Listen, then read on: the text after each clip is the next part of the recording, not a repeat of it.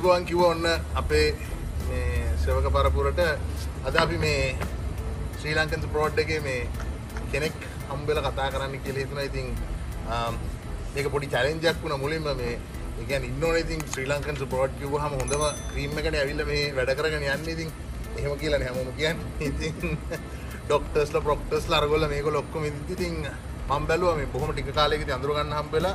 ඒවගේ බොහොම ක්ලෝස් වෙච්ච ඒවගේම ලංකාවේ සංස්කෘතියට ඒවගේම ලංකාව තියෙන විශෂ පද්ධතියකට සෑහෙන මෙහවරක් කරන පුද්ගලයෙක් හැටියට හඳුන්නන්න පුළුවන් පුද්ගලෙත් තමයි අද අපි හම්බලෙන්නේ නමින් නලින්ද දිලූපම කියල තමයි කියන්නේ. නලිය එන ඔන්න අයිබෝකුව අපි සාමාන්‍ය මෙහමනේ අයිබෝන් කියන්න පොඩ්ඩ පොඩ හරි අමුතුයි වැඩේ මට. කවන්න හො යංක හොඩයි ඉතින් නලි කොමද විස්තර ශේප්ප කියන වැඩයි ඔක්කොමත් එක ගොඩක් ලයිප් එක කියන්න නොනද අපි අමෝගෙන් මේ ලයිෆ් බිසි අල්ලගෙන ලච්චක් ගහන්න ඇච්ච ගාගෙන අන්න එක විකට්ටක ඉන්න ඕනනේ විකට්ට ඉන්න ට ලපුණු වැටේ. තමර සමරට ලක්ුණු නෑ එ විකට්ට අල්ලගන්න හරියට හරි හරියට හරි. ඒක තමයි කරන්න ඕන. හොඳයි හොඳ ඉතිං නලි ඇතර මම මේ බොහම ෂෝට් නෝටිස් එකති මම දෙතුන් දෙනෙක් බලල මං ඇත්තරම වාට මුලින්ම ඩිසයිඩ් කරේ නලින්ද මට ඇත්තරම දැන්වා දන්න මම අහන සංගීතය අනම්මන ටිකක් පැත්තකින් අරගෙන තිවුණට මම ලංකාවේ යම් කිසි දෙයක් අගේන මචන් අපේ ලංකාව තියෙන ශ්‍රී ලාංකීය බව ඒ කියන අපේ තියෙන අරම් මේ කැන පැරණි කාලීන්දල පැවතගෙනෙන ඒක යම් කිසි ප්‍රශස් දෙයක්. ඉතින් ඒ වගේ දෙයක් ඔයා වගේ තරුණ යෙක් මේ වගේ දෙයක් කරන එක මට ඇත්තම් පුදුමයට මේක මොකද දැන් සමහරලාට අර නිකං වචනට කන්න අනවෙන්න නලිය. වා ගත්තාම වා අපි ඉදිරියේදි තව කතා කරගෙන යනකොට අපි වාගේ විෂය පතේට වැටුණාට පස්සේ අපි කතා කරමු කොහොමද? ඔයයි මොනවාද කරලා තියෙන වට තියෙන සුදුසුකම් මොනවාද මේවා කියලා. ඉතින් දැන් අපි අපේ ඔඩියන්ස් එකට කතා කරනවා නම් කියන්න ඕන නලින්ද කියන්නේ මේ ශ්‍රී ලංකාවේ නර්තනය බොහොම මේ ගැමුරට කරපු පුද්ගලෙ නේ? වාදනය නර්තනය සහ වාදනය. ඉතිං ඉති කියන්න කොමද පටන් ගත නලින්ද පටන් ගත්තේ ඇත්තරම පොඩියොක් කාලේ තමයි. මුලින්ම මට ස්කෝල පන්දයකට ගියා පාසල්දයකට මුලින්ම මහරගම ජනාධිපති විද්‍යාලය ඊට පස්සේ උසස් අධ්‍යාපනයට රෝයල් එලරෝට ජනාධිපති ඉන්න කාලේ ඒම දන්න මාකරෙක් මියසික්කොල්ට හරි දෙරවලට මාකරයක් තියෙන්නේද අපි ස්කොලිටිය මේ ජනපිට සංගීත මෙස් මියලින් හෙන්ද්‍ර විතාරන්නේ ඉතින් අර පහවස්සරදි දෙනවනේ හයවස්සර දෙයනකොට වාට හොරගන්න ඕන්නේ සංගීත වැටුම්ද චිත්‍රද කියලා? චිත්‍ර බෑ. ඒදවසර වැටමුත් ආසුන්න හැම සංගීත කරන්න දෙන්න දීම සංගීත තෝරගත්තයි ඉති කෝමරිති මියලින් මියසික් පටන් ගත්තයින් පස්සේ ඉතින් හොඳන තබ්ල එක පේනවා. ඉතින් තබ්ල හින්නෙන් ගහන්න පටන් ගත්තා. ඉතින් ඒකින් මේ ඉතින් ඒ මිසු මාකරි දකින්න ඇති මාකරි මගේ මාකරය ඇත්තිීරවා කිරලා ඔය තරං ස්කෝල තරංගවල් වලට ඔහොම හොම ඉතින් යොමුණා මියසික් පැත්තේ. මුලින් ඇත්තරම තබ්ල තමයි ගහන්න පටන් ගත් ඊට පස්සේ ඔය අතුරපුරු තිබ්බා ඔය සමස්තරංග තරගවලට යනකොට අපිට ලංකාවේ ජනගී ආශ්පිතල කරන නම් මේ තරගවල තිනවන ඉතින් එකකදී මට නටන්න හම්. ඉතින් මක්කරි වේගින් නටුව. ඇති ඒ කාලේ තමයි ස්කුලට අලුතෙන් නටුන්ස කෙනෙක් මිහාල් කර නිහාස නිහාල්ස තමයි අයිතම ඔක්කොම ඇති මංගේ නැටුව. ඊට පස්සේ මට තේරුණ මට මොක්කර මේ පැත්තිෙන් කරගන්න පුළුවන් කිරියවර පස නම්ේ වසලද අත්තටම හරි හරින ඕලදනකම මිෂක් කරන්න ඕන නම වසලි ම නටුම්වලට මාර පස්ස එතරින් එහට දිගටපති නටුම ඉදරයි තමයි ඊට පස්ස පාසලින් ඇවිල්ලා ඉට පස්ස මං පියසාශිල් පාතිපති ගුරුතුමා ගාරිකෙන ගත්ත. තමයි දෙර ඉගෙන ගත්තේ. මම කලේලි බැස්ස වෙස්පැන්දේ ජාතික තමුසය සභාවෙන් මහරගෙන සංචිතයි ඉක හෝ තමයි වැඩේගී ඇත්තරම ඉතින් ඔය වගේ ප්‍රමාණයකට ඉන්න පුද්ගලය බොහොම අතලොස්සක් ඉන්න දැන් ඇත්තරවනේ ලංකාවෙනම් ඇත්තටම දැන් ඉන්න ගොඩක් ඇත්තටම වැලුවොත්තේ ලංකාවේ තරුණ මේ අපිට වැඩිය ගොඩාත් තරුණ මේ වාදන මේ කරන ශිල්පීන්ට නටන මේ මන්දිලා ඉන්නවා හිතාගන්නවත් බෑ පුදුම දක්ෂතාවයක් තියෙන ළමයි පිරිසක් දැම් විහිෙන මං හිතන එකක් අපි ඒ කාලේ අපේ අපි ඉගෙන ගන්න කල අපේ තාක්ෂණය විතර අපිට දිනු නෑ නේ මචං අපිට මේ අපිට ස්මාර්ට් ෆෝන් නෑ ඒ කාලේ. අපි ඉතින් අපි ඒ කාලේ කොහොම කංකාරීව දෙනකොට පොකට් රෙකෝඩර් එක දාගෙන ඒක තාක්ෂුවේ ගිහිල්ලා ඒව රෙකෝඩ් කරගෙන ඇවිල්ලා තමයි අපි කැසට් එක අහහා ලියලිය ඔහොම තමයි අපි සමහර දේවල් ඉගෙන ගත්තේ.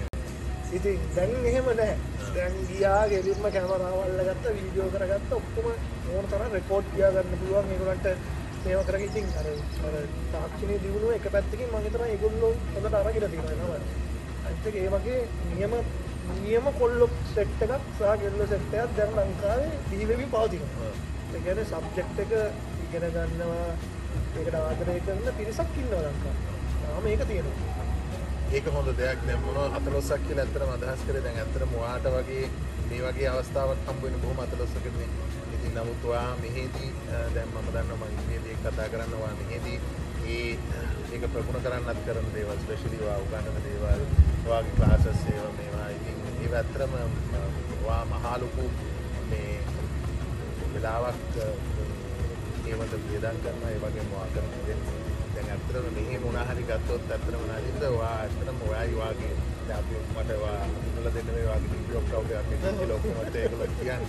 මොකද ඕගොල්ලෝ නිතරම ට්‍රැවල් කරනවා ඇමරිකාවේ. ඔව්. හරකොට මෙහා කොහොමද වෙඩින්ග්ස් වලටද අරකටද මේකටද හැම දෙයකටම. ඉතින් ඔයගොල්ලෝ බොහොම ඇක්ටිව් අතින් සිටිස් කීපයකටම කොහොම මේ මේ පොඩි කාලයක් තුළ යාට මෙයාට වෙනවා නිතරම. දැන් ඔයා හිතනවද අපේ ඒ කලාව ලංකාවිදල මෙහෙතෙද්දී යම් කිසි වෙනසක් වෙලා තියෙනවද? නැත්තං ඒකට ලංකාවිදලා මෙහෙට එනකොට මම දකින හැටියට මම මෙහෙම කියන්නම් කිව්වේ දැන් ලංකාවේ නම් මෙහෙට එනකොට ඕක මෙහෙට ගේ- මෙහෙට ගේන්නේ ලංකාවේ කෙනෙක්. ඒ ලංකාවේ නම් මෙහෙට ගේන පුද්ගලයා සහ මෙහි උගන්වන පුද්ගලයාගේ දැනුම සහ පරිණතභාවය අනුව තමයි මම හිතන්නේ ඒක තීරණය වෙන්නේ.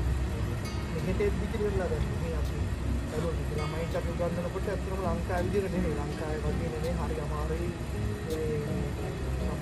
දෙරගෙන ආවත් දෙරක් සවුත් වෙනවා ඉතින් අපිට හැම පැත්තෙම බලනවා ප්‍රශ්න ගොඩක් තියෙනවා ලංකාව වගේ නෙමෙයි.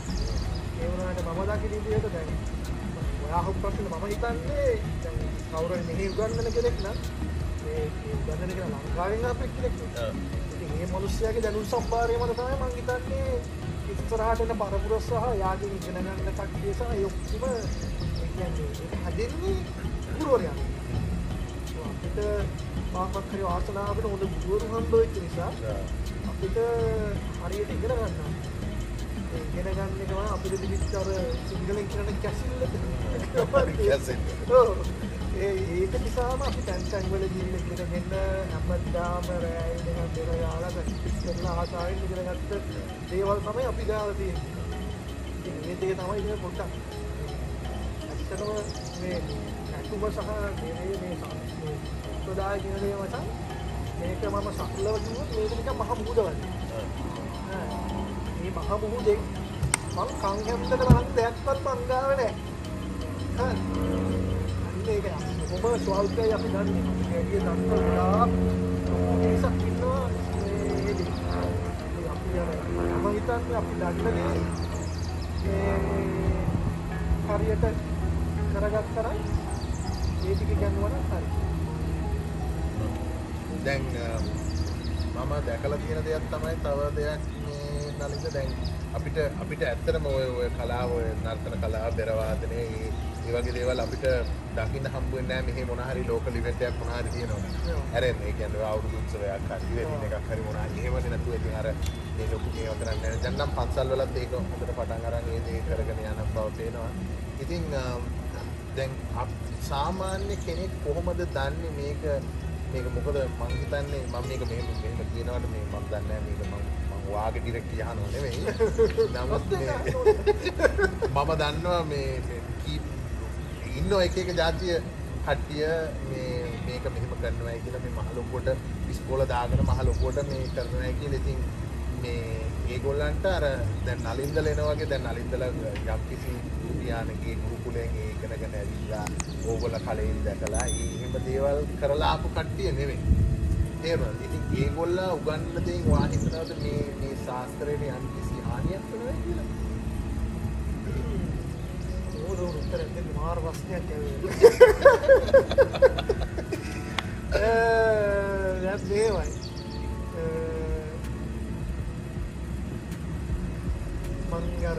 ඉස්සෙල්ලා කිව්වාගේ තමුන් ඉගෙන ගත්තදේ හරියට ළමයෙක්ට උගන්වනවා නම් ඒක ගැටලුවක් නෑ. ඒකේ ප්‍රශ්නේ තියෙන්නේ එහෙමින් අතපත ගාලා ඉන්නා මේක ඇමරිකාවේ මුළු ලෝකෙම තියෙන ප්‍රශ්නයක් මේ රටවල් වල ගොඩක් සමාන ඉන්නවා. එහෙම ගිහිල්ලා එහෙම උගන්වනවා නම් මම හිතනවා ඒක සාර්ථක නැහැ කියලා. කොහේ හරි කොහේ හරි හරි මේ දේවල් මම හිතන්නේ මතුවෙනවනේ. කවදාවත් කිසිම කෙනෙක්ට සදාකාල බොරුවක් කරන්න බෑ. ඒක කරන්න බෑ. කවදා හරි කොයි මොහොතක හරි ඕක මේ මට ඒක තේින්න කට්ටිය හරි වෙනද ළමයිට දැනගන්නවා මේක මෙහෙමයි කියලා. ඉතින් එතනදී කියන්න තියෙන්නේ මේ දැන් මම මෙහි 2008 විතර එන කාලේ අ, එහෙම බෙර ගහන නිව්යෝක් මම ආයෙත් ආයෙත් නිව්යෝක් වල එහෙම කවුරුත්ම හිටියේ නෑ වෙනගෙන. ඔව්. කිසිම කෙනෙක් හිටියේ නෑ. ඉතින් අ, මුලින්ම ඉවෙන්ට් එකකට මට තව වෙඩින් එකක් ප්ලේ කරේ 2009. 2009 ප්ලේ කරනකොට ඒ කියන්නේ දැන් මිනිස්සෙක්ට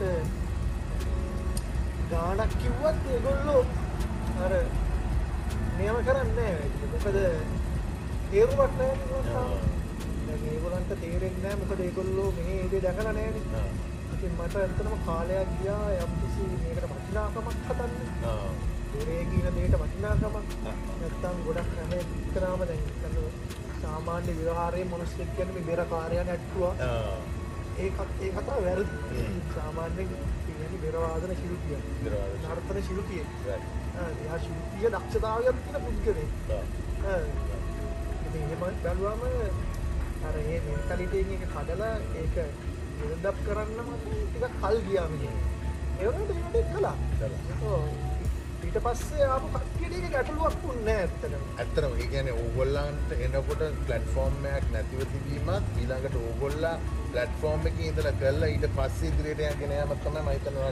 දැන් අපිට කියන්න නලින්ද දැන් ඇත්තටම දැන් ඇමරිකාව වගේ ගත්තාම ජාති දේශ ජාති එක රටවල් වලින් ඇති. ඔය එක එක රටවල එක එක තියෙන සංස්කෘතියත් එක්ක එන දෙයක් තමයි බෙරේ කියන දේ හැම සංස්කෘතියෙම යම් කිසි ආකාරයකින් කොහේ හරි ගෑවිලා තියෙනවා. එක ජාති බෙර පුළුවන්. දැන් නමුත් අපේ බෙරයක් සම්බන්ධව ගත්තාම ඒක මේ නලින්ද මේ උම මේ උම ඉපැරණි කලාවක් එක නේ. ඒක මේ ඔය බෙරේ කලා කොහොමද බෙරේ හදන හැටි අර මේකෙන් කපලා නිරෙන් කපලා කපලා කපලා ඇතුළේ මේව කරලා ඈ? ඕක ඕක හරියට උන්නතුළු කොහේ හරි ක්‍රැක් එකක් කරබිය බෙරේ වැඩක්. නේ. ඉතින් ඔය දේවල් ඔම ඉතින් දැන් ඕගොල්ලන්ට එහෙම එහෙම අවස්ථාවක් නැන්නේ ඕගොල්ලෝ ලංකාවෙන් ආපු කියන්නේ අපි මමත් ඕක ගැන යම් කිසි ප්‍රමාණයක් දන්නවා ලංකාවේ ඉඳලා ආපු නමුත් මෙහි රටේ තියෙන අනිත් ඒ කියන්නේ ඔය අනිත් සංස්කෘතියන් අනිත් විදේශ රටවල් වල තියෙන ඒ ඔය දැන් අරබික් වෙන්න පුළුවන් සවුත් ඒෂියන් අද කන්ට්‍රීස් වල වෙන්න පුළුවන් ඒවත් එක්ක බලද්දී වාට තේරුණද යම් කිසි කම්පිටිෂන් එකක් තියෙනවද? අපේ බෙරවලට යම් කිසි හොඳ රෙකග්නිෂන් එකක් තියෙනවද?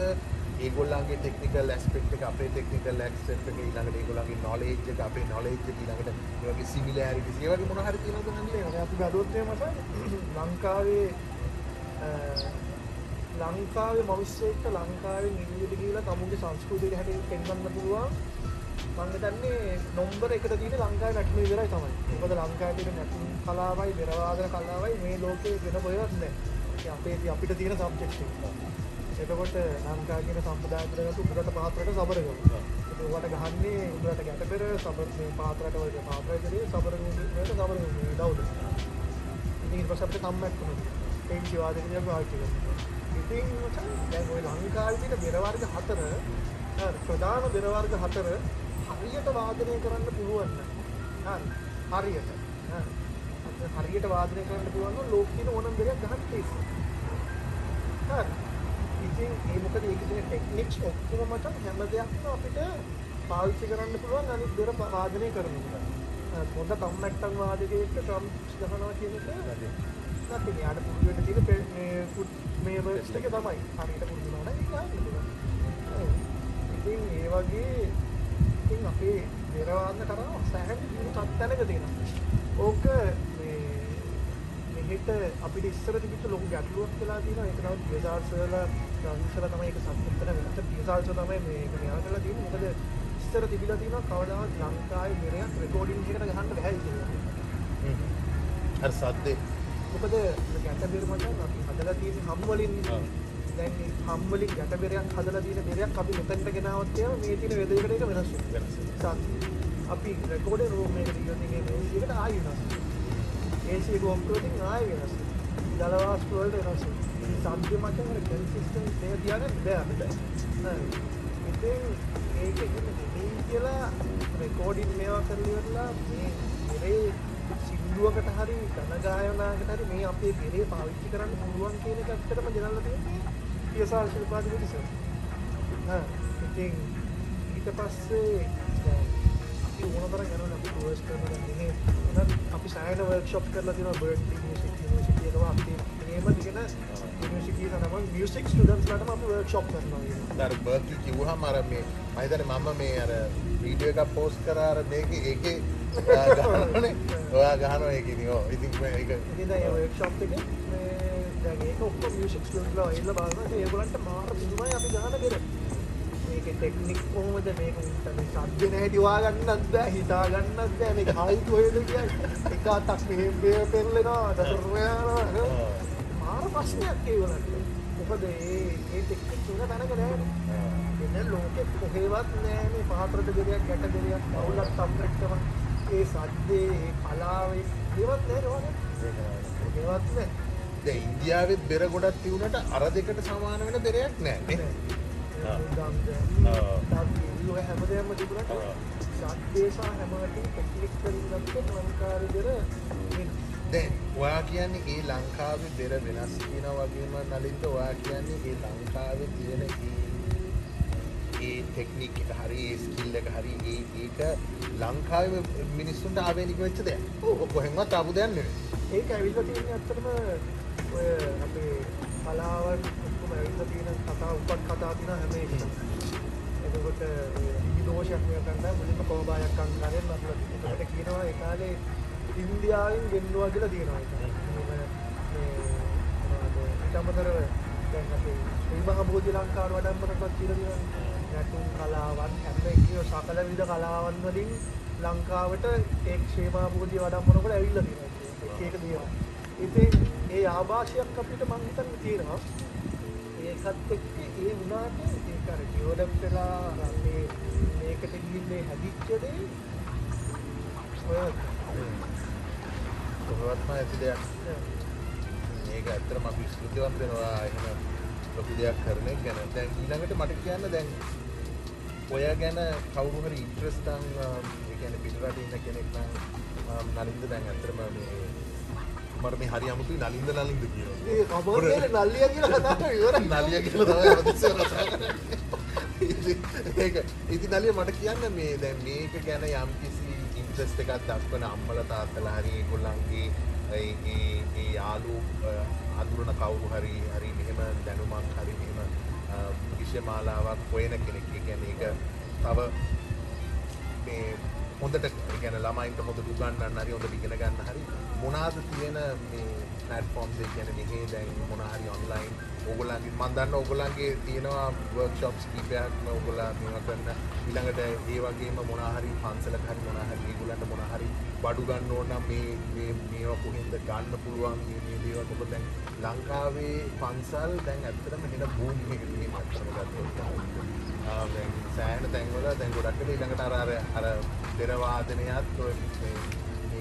දෙර වාදනයත් ඔය මේ මේ මේ පූජාවකදී අර ඒ වගේ ඒ වගේ දේවල් දැන් කරන්න පටන් ගන්න තියෙනවා නේ. ඉතින් ඒවා මොකද මෙහි මිනිස්සුන්ටත් හරි අලුත් දේවල් නේ. ඉතින් ඒව කොහොමද ගන්නේ කොහෙද ඒ වගේ තොරතුරු සර්ච් කරන්න පුළුවන් ඊළඟට ඕගොල්ලන්ගේ මොන හරි um, වෙබ්සයිට් එකක් හරි මොන හරි තියෙනවද ඕගොල්ලන්ව කොන්ටැක්ට් කරන්න මොන හරි ඒගොල්ලන්ට ඕන නම් ඒ කියන්නේ මොන හරි දැන් ඕගොල්ලෝ කරන ඉවෙන්ට්ස් හරි ඕගොල්ලෝ කරන දේවල් බලන්න හරි ඒ මොන හරි ළඟට ඕගොල්ලන්ගේ මොන හරි තියෙනවා නම් අපකමින් ඉවෙන්ට්ස් ඒවා කොහෙද සාමාන්‍යයෙන් වැටෙන්නේ ඒ වගේ මොන හරි පොඩ්ඩක් කියන්න පුළුවන් ඕකේ මේවා දැන් අපි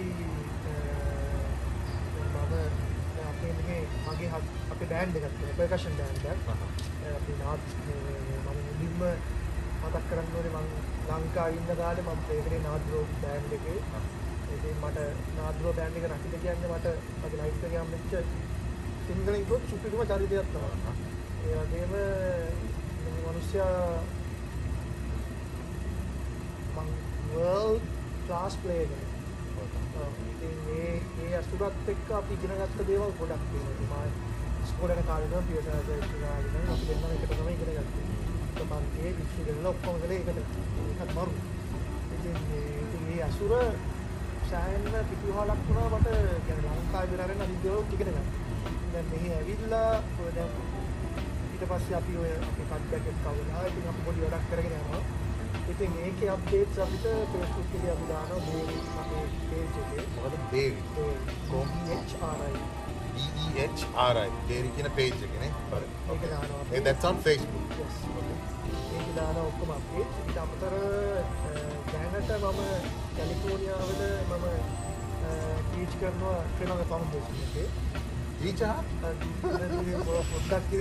Very good very good. I know. බෙර පොඩ්ඩක් ගන්න වගේ මෙතන ළමයි දැන් 30ක් විතර ඉන්නවා මෙතන ළමයි මේ girls and boys. Oh oh ඔක්කොටම ගන්න ඕන කවුරු මෙහෙක ඕන කෙනෙක් ඒකට සම්බන්ධ ඕන නම් ශ්‍රී ලංකා ෆවුන්ඩේෂන් එක කන්ටැක්ට් කරාම මේවා කරන්න පුළුවන් ශ්‍රී ලංකා foundation අමතරව කාට හරි බෙර හරි මොන හරි දෙයක් ඕන නම් ඒක මාව කතා කරා නම් බෙර දිනවා දාන්න දෙන්න ඕගල මොන හරි තියනවද මේ වෙබ්සයිට් එකක් හරි වර්ක්ෂොප් එකක් හරි වෙබ්සයිට් එක තාම මම මේවා කරගෙන හදාගෙන යනවා මොකද ඒක නම? Doll what is it doll workshop yeah doll workshop workshop doll workshop එක ඇක්ටිව් කරගෙන යන දෙයක්. දැන් කියන දේ ඇහුණානේ. දැන් ඇමරිකාවේ මේ කැලිෆෝනියාවේ ප්‍රාන්තේ නම් ඇත්තටම ශ්‍රී ලංකා ෆවුන්ඩේෂන් එක හරහා මෙයා ඇත්තටම ක්ලාසස් කරනවා.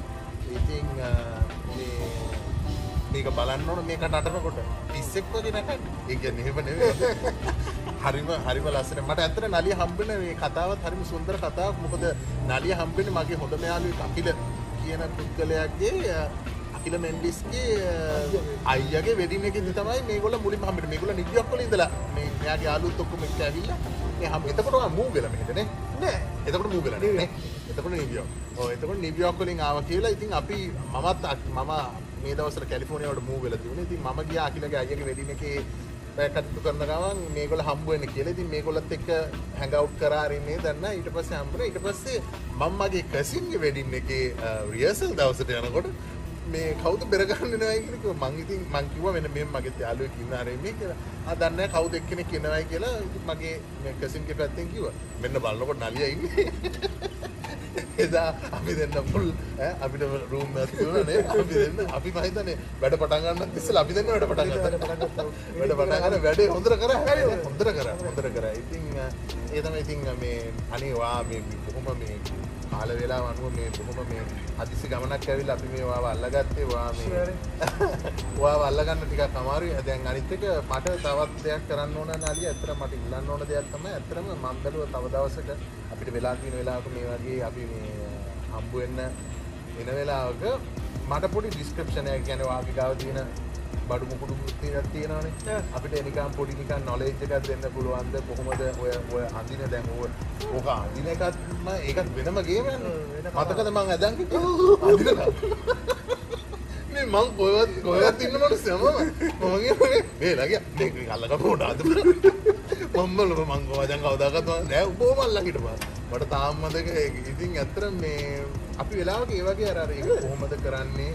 මොකද ඒකත් අර අඳින විදිහක් අරකට මේක තියෙනවනේ නැත්නම් ඕගොල්ලෝ ගහන කාරණ ඔව් ඒ වගේ පොඩ්ඩක් මම හිතන්නේ ඒ වගේ දැන් මොකද දැන් ලංකාවේ ඇත්තටම නලින්ද මේක කියන්න කියන්න බොහොම මේව දෙයක්. ඒ කියන්නේ මම ඇත්තටම සංගීතය කියන්නේ විශ්ව විෂයක් ඉතින් ඒවා එක එක එක විදිහට වෙනස් වෙවි අරගෙන යනවා. නමුත් ඉතින් මම දකින එක දෙයක් තමයි අපි කොහොම හරි කරලා මේ අපේ කම අපේ කියන දේ අපි කොහොම හරි කරලා රැක ගන්න.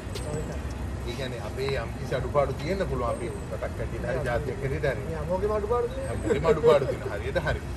කවුරුත් සර සම්පූර්ණ නැහැ. ඉතින් ඒ වුණාට අපි මේ වගේ කලාවක් මං හිතන්නේ රැකගන්න මොකද මේ වගේ කලාවක් තමයි අපි මේ ඉදිරියට ගෙන යන්න ඕන අපේ අනන්‍යතාවත් එක්ක තියෙන. ඒ කියන්නේ දැන් අපිට උනත් දැන් මේ අනම්මනම් කරලා මේවා කරන්න පුළුවන් දැන් ගොඩක් කට්ටිය දැන් දැන් බැලුවාම මචං ඔක්කොම ඉන්නේ රැකවස්ලානේ ලංකාවේ. දැන් එහෙම නේ මචං මගේ එහෙම කිසි මේකක් නෑ ඒගොල්ලන්ට කරන්නේ. නෑ මම රැප් අහන්න ඕන නම් මම රැප් අහනවා.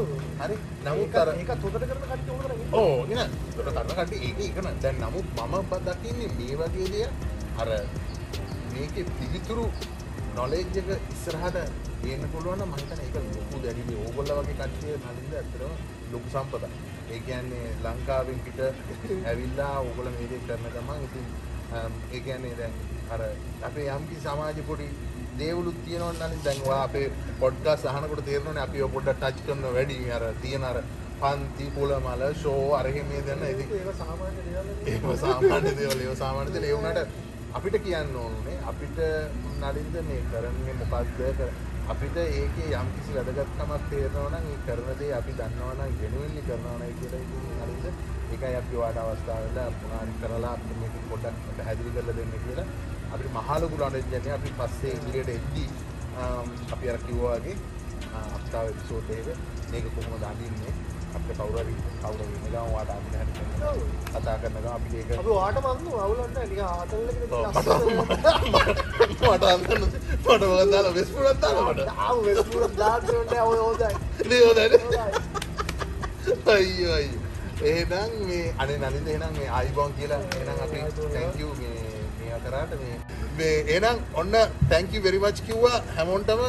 මේ අපි ආයි channel එකට අපේ YouTube එකේ වීඩියෝ කියනවා ඉතින් නලියා කාට හරි මොකක්ද ඒකට කියන්නේ? කොහොම අන්දනවට මොකක්ද කියන්නේ?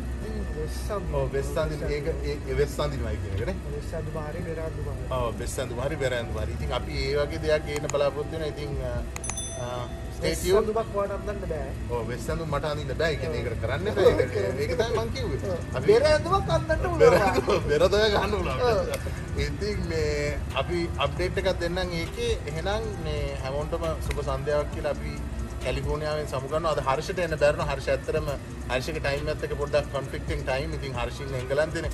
දැන් කොල්ල දොයි ඇති දැන් හොඳට. එනිවේස් you කිව්වා. එහෙනම් අපි ආයි එපිසෝඩ් එකකින් හම්බෙමු take care bye bye